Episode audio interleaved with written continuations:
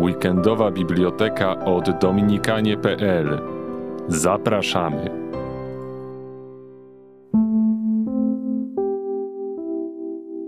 Zapraszamy do wysłuchania fragmentu książki Brandona Wołta Powrót. Co robić, gdy dzieci odchodzą z kościoła? Przełożyła Justyna Grzegorczyk. Wydawnictwo w drodze. Przedmowa biskupa Roberta Barena. Obecnie Kościół staje wobec wielu wyzwań, lecz jestem przekonany, że najpilniejszą troską, przynajmniej w Ameryce, jest odpływ naszych ludzi. 13% Amerykanów identyfikuje się jako byli katolicy i na jednego nawróconego na wiarę katolicką sześciu odchodzi. Jedna trzecia osób wychowywanych jako katolicy dziś już się za nich nie uważa a obecność na mszy, uznana przez Sobór Watykański II za źródło i szczyt życia chrześcijańskiego, ciągle spada i dzisiaj wynosi zaledwie 24% osób w ławkach każdej niedzieli. Statystyki wyglądają jeszcze gorzej, jeśli chodzi o ludzi młodych. Jedna trzecia milenialców obecnie twierdzi, że nie przynależy do żadnego wyznania, a tylko 16% identyfikuje się jako katolicy. Łatwo jest tuszować te liczby i uzasadniać fałszywe poczucie bezpieczeństwa. Co prawda ogólna liczba katolików pozostaje stosunkowo stała, ale jest to efektem migracji nowych, wiernych imigrantów zastępujących katolików, którzy odchodzą. Nie jest to oczywiście trwały ani pożądany trend. Nawet imigranci, gdy w drugim lub trzecim pokoleniu postępuje asymilacja, odchodzą z kościoła w stopniu podobnym do występującego w ogólnej populacji katolików. Jak obserwuję wielu ewangelików, Bóg nie ma wnuków. Każde pokolenie musi spotkać Chrystusa i Kościół po raz pierwszy, nie polegając tylko na kulturowym środowisku czy tożsamości etnicznej. Jednak, choć być może Bóg nie ma wnuków, to ludzie ich mają. Jeśli czytasz tę wspaniałą książkę Brandona Wołta, jest duże prawdopodobieństwo, że jesteś dziadkiem albo rodzicem martwiącym się tym, że twoje dziecko odeszło od wiary. W obliczu wyraźnej porażki i zawodu pytasz siebie, co poszło nie tak? Czy wystarczająco się starałem? Co jeszcze mógłbym zrobić? Co mogę zrobić już teraz? Jak można naprawić zerwaną relację z Chrystusem i Kościołem? Powrót Brandona Wołta oferuje wspaniałą i niezwykle potrzebną pomoc w rozwiązywaniu tych problemów. Każdy rodzic czy dziadek mający dziecko, które odeszło z kościoła, musi przeczytać tę książkę. Znajdziecie tutaj konkretne rady i praktyczne strategie. Zamiast popadać w rozpacz, Brandon wzywa do kreatywności i odwagi, twórczego podejścia przepełnionego duchem nowej ewangelizacji. Powrót jest jednym z najlepszych opracowań na temat odchodzenia katolików z kościoła, zawierającym głębokie spostrzeżenia na temat tego, dlaczego ludzie porzucają wiarę katolicką.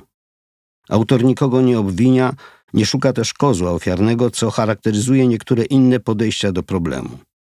Skupia się natomiast na pokonywaniu trudności, kładzie nacisk na to, co rodzice mogą powiedzieć i zrobić, aby odpowiednio zareagować na obiekcje swoich dzieci, odbudować wzajemną relację i pomóc im odnaleźć drogę powrotną do kościoła. Powrót nie oferuje recepty na wszystko, ani nie daje gwarancji, że wasze dziecko powróci. Znajdziecie jednak tutaj całościową strategię działania, aby stworzyć możliwie najlepsze środowisko dla powrotu waszego dziecka do Chrystusa i Kościoła. Jakiś czas temu współpracowałem z Brandonem Wołtem nad rozwojem dzieła Pana. Jego oddanie sprawie ewangelizacji jest wspaniałe. Brandon jest apostołem pionierskiej misji. Jego radość z niesienia Ewangelii jest zaraźliwa i pokrzepiająca. Jeśli zatem wasz syn albo córka odeszli od wiary, zachęcam, abyście nie porzucali nadziei i skorzystali z jego rad zawartych w tej książce. Powrót będzie służył jako zasadnicze źródło wysiłków ewangelizacyjnych Kościoła i stanie się podstawą prawdziwego przełomu dla wszystkich zdesperowanych rodziców. Biskup Robert Baren Pięć wielkich mitów na temat odchodzących katolików. Mój syn zupełnie odszedł, wyjaśnia Dian. Kocham go i mam nadzieję, że pewnego dnia ujrzy światło, ale teraz nie ma absolutnie sposobu, aby wrócił do kościoła. To beznadziejna sprawa. Wielu rodziców dostrzega tę rozpaczliwą granicę. Widzą, jak daleko ich dzieci odpłynęły, ale nie potrafią znaleźć sposobu, by powróciły. Ich dzieci nie wykazują żadnego zainteresowania sprawami religii, albo mają tak silne negatywne uczucia wobec Kościoła, że potrzeba by było cudu, żeby zmieniły swoje nastawienie. Co róż jednak przekonywałem się, rozmawiając z wieloma rodzicami i młodymi dorosłymi, że jest to jeden z najbardziej powszechnych i niszczących mitów. Dla każdego dziecka jest nadzieja i zawsze istnieje droga powrotu do kościoła. Skąd to wiemy? Ponieważ nasze dziecko w ostatecznym rozrachunku jest w rękach Boga, który je kocha nawet bardziej niż my. On jeszcze bardziej niż ty pragnie, by ono wróciło i dzięki swojej opatrzności może zrobić wszystko. Jeśli jednak wierzymy w ten mit, że nie ma nadziei, stajemy się znużeni i bezwolni. Myślimy, sytuacja jest beznadziejna, nie mogę nic zrobić, więc nie będę nawet próbować. Ten mit jest tylko jednym z wielu, a każdy z nich może poważnie uniemożliwić ci drogę, którą musisz przejść. W tym rozdziale dokładnie odsłonimy każdy z tych mitów, oczyszczając nasze spojrzenie, abyśmy mogli lepiej zobaczyć, jak ułatwić dziecku powrót. Mit pierwszy. W końcu wrócą, kiedy się pobiorą i będą mieli dzieci. Prawda? Młodzi ludzie coraz bardziej odwlekają małżeństwo i posiadanie dzieci. Są małe szanse, że wrócą z powodu tych wydarzeń. Dla wielu młodych ludzi robienie sobie przerwy od religii jest normalną częścią wchodzenia w dorosłe życie. Przyjmują pierwsze sakramenty, chrzest, pierwsza komunia, święta bierzmowanie, przeskakują przez główne obręcze katolickiej edukacji religijnej, a potem dystansują się i odkładają religię na bok, być może aż do momentu, gdy biorą ślub i na świat przychodzą ich dzieci. I nie tylko biernie dryfują po tej ścieżce. Według socjologów z Notre Dame Niektórzy młodzi ludzie zwyczajnie zakładają, że będą religijnie nieaktywni podczas okresu przedmałżeńskiego, gdy wchodzą w dorosłe lata. Wielu rodziców, którzy urodzili się w okresie wyżu demograficznego lub są osobami z pokolenia X, szło tą drogą i spodziewa się, że ich dzieci w sposób naturalny pójdą w ich ślady. Czy jednak małżeństwo i dzieci naprawdę sprowadzą ich z powrotem? Przynajmniej statystyczna odpowiedź brzmi prawdopodobnie nie. Jednym z powodów jest to, że młodzi ludzie zwlekają z małżeństwem dłużej niż to było kiedyś. Nasza kultura dopuszcza, żebyś odkładał małżeństwo, abyś mógł skupić się najpierw na wykształceniu i karierze. Sam należąc do milenialsów mogę zapewnić, że przeważnie tak właśnie uważają moi rówieśnicy. W konsekwencji w ostatnich dekadach przeciętny wiek osób zawierających związki małżeńskie zarówno w przypadku kobiet, jak i mężczyzn poszybował w górę. W 1960 roku średni wiek dla pierwszego małżeństwa wynosił 23 lata dla mężczyzn i 20 dla kobiet. Obecnie wynosi odpowiednio 29 i 27 lat. Analitycy z National Marriage Project na Uniwersytecie Virginii wnioskują – pod względem kulturowym młodzi dorośli coraz częściej postrzegają małżeństwo raczej jako kamień wieńczący, zwornik, a nie kamień węgielny.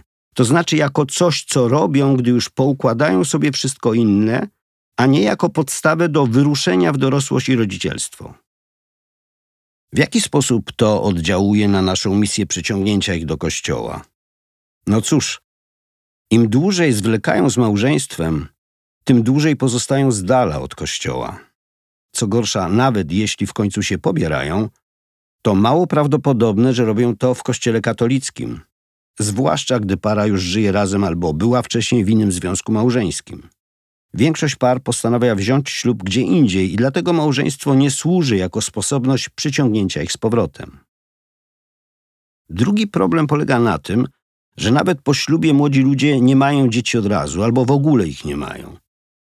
W latach 2007-2012 współczynnik urodzeń dla amerykańskich kobiet w wieku 20-29 lat spadł o ponad 15%, a dane CDC wykazują, że w roku 2019 na każde tysiąc kobiet w wieku rozrodczym przypadało zaledwie 58,2 urodzeń. najniższy współczynnik urodzeń notowany w historii Ameryki. Czy jednak nie oznacza to, że młode kobiety mają dzieci po prostu później? Analitycy z Princeton przyjrzeli się danym CDC i podali wątpliwość pogląd o baby rebound, rykoszecie urodzin. Odkryli, że kobiety w wieku dwudziestu kilku lat zupełnie rezygnują z urodzenia dziecka, a nie tylko odsuwają je w czasie. Zatem, jeśli dzisiaj młodzi ludzie nie mają dzieci lub przynajmniej długo czekają, aby je mieć, to tym bardziej nieprawdopodobne wydaje się, że powrócą do kościoła, aby je ochrzcić lub wychować po katolicku. Co to wszystko oznacza? Małżeństwo i macierzyństwo nie są już niezawodnym magnesem przyciągającym ludzi do kościoła. Nie możemy liczyć na to, że w magiczny sposób wykonają za nas całą pracę. Ich przyciąganie zmalało tak bardzo, że musimy założyć, iż w przypadku wielu młodych ludzi ani małżeństwo, ani dzieci nie będą znaczącym powodem powrotu do kościoła. Mit drugi. Zabierałam je na msze i posłałam do katolickiej szkoły, to powinno chyba wystarczyć. Prawda. Zwyczajne przejście przez katolickie instytucje nie daje pewności, że młody człowiek spotka Pana, ani że rozwinie w sobie silną, osobistą wiarę. Liza, matka dwóch byłych katolików, dała wyraz temu mitowi w słowach: Może byliśmy zbyt surowi, przekazując wiarę? Pomagaliśmy dzieciom ją praktykować, prowadząc je na msze, ale nigdy nie zadbaliśmy o to, by rozwinęły osobistą relację z Jezusem. To był ten brakujący kawałek, którego nie potrafiłam im przekazać, gdyż sama przeżyłam swoje ponowne nawrócenie dopiero później. Nie można dać tego, czego samemu się nie ma. Brak osobistej relacji z Jezusem starałam się zapełnić, wpajając dzieciom rytuały, zasady i ryty katolicyzmu. Teraz, mimo że moje dorosłe córki postępują moralnie, nie praktykują wiary. Rytuały bez osobistej relacji nie są warte przestrzegania. W XIX i XX wieku amerykański katolicyzm rozkwitał poprzez instytucje. W większości wypadków dzieci gładko przechodziły przez religijne systemy. Rodziły się w katolickich szpitalach, chodziły do katolickich szkół, uczestniczyły w katechezie i zapisywały się do katolickich koledżów. Większość z nich okazała się zagorzałymi katolikami. Teraz jednak już tak się nie dzieje. Nie możemy dzisiaj zakładać, mimo odważnych wysiłków wielu proboszczów, edukatorów i liderów różnych posług, że kiedy dziecko przejdzie przez nasze instytucje, nawiąże autentyczną przyjaźń z Jezusem Chrystusem. Analitycy z Notre Dame ujawniają, uczęszczanie do katolickiej szkoły nie ma znaczącego wpływu na wzrost religijności po wkroczeniu w dorosłość. Nawet po przebadaniu środowiska rodzinnego studentów, analitycy stwierdzili, że katolickie szkoły wyższe już po pięciu latach nie miały żadnego wpływu lub miały nieznaczny wpływ na tych, którzy do nich chodzili. Ostatni sondaż Pew Forum doprowadził do podobnego wniosku. Byli katolicy, którzy obecnie nigdzie nie przynależą, podobnie jak katolicy przez całe życie, uczestniczyli w religijnych instytucjach i praktykach, takich jak katecheza, odpowiednio 68 i 71%, i młodzieżowych grupach religijnych 32% dla obu grup. Innymi słowy, to smutne, ale wydaje się, że uczestnictwo w praktykach kościelnych, katechezach i przynależność do parafialnych grup młodzieżowych mają niewielki wpływ na to, czy młodzi ludzie zachowają swoją wiarę w dorosłym życiu. Nie jest to całkowicie wina naszych instytucji. Problem polega na tym, że oczekujemy, iż to instytucje poniosą cały ciężar ewangelizowania naszych dzieci, choć nigdy nie miały takiego zadania. Kościół w tym względzie wyrażał się zawsze jasno. W katechizmie Kościoła katolickiego czytamy, że najważniejsza część formowania naszych dzieci nie należy do parafii ani szkoły, ale do rodziców. Przez łaskę sakramentu małżeństwa rodzice otrzymali zadanie i przywilej ewangelizowania swoich dzieci. Możliwie jak najwcześniej powinni wprowadzać swoje dzieci w tajemnicę wiary, której są dla nich pierwszymi zwiastunami. Od wczesnego dzieciństwa powinni włączać je w życie Kościoła. Rodzinny styl życia może rozwijać zdolność do miłości, która na całe życie pozostanie autentycznym początkiem i podporą żywej wiary. To dotyczy również uczestniczenia we mszy.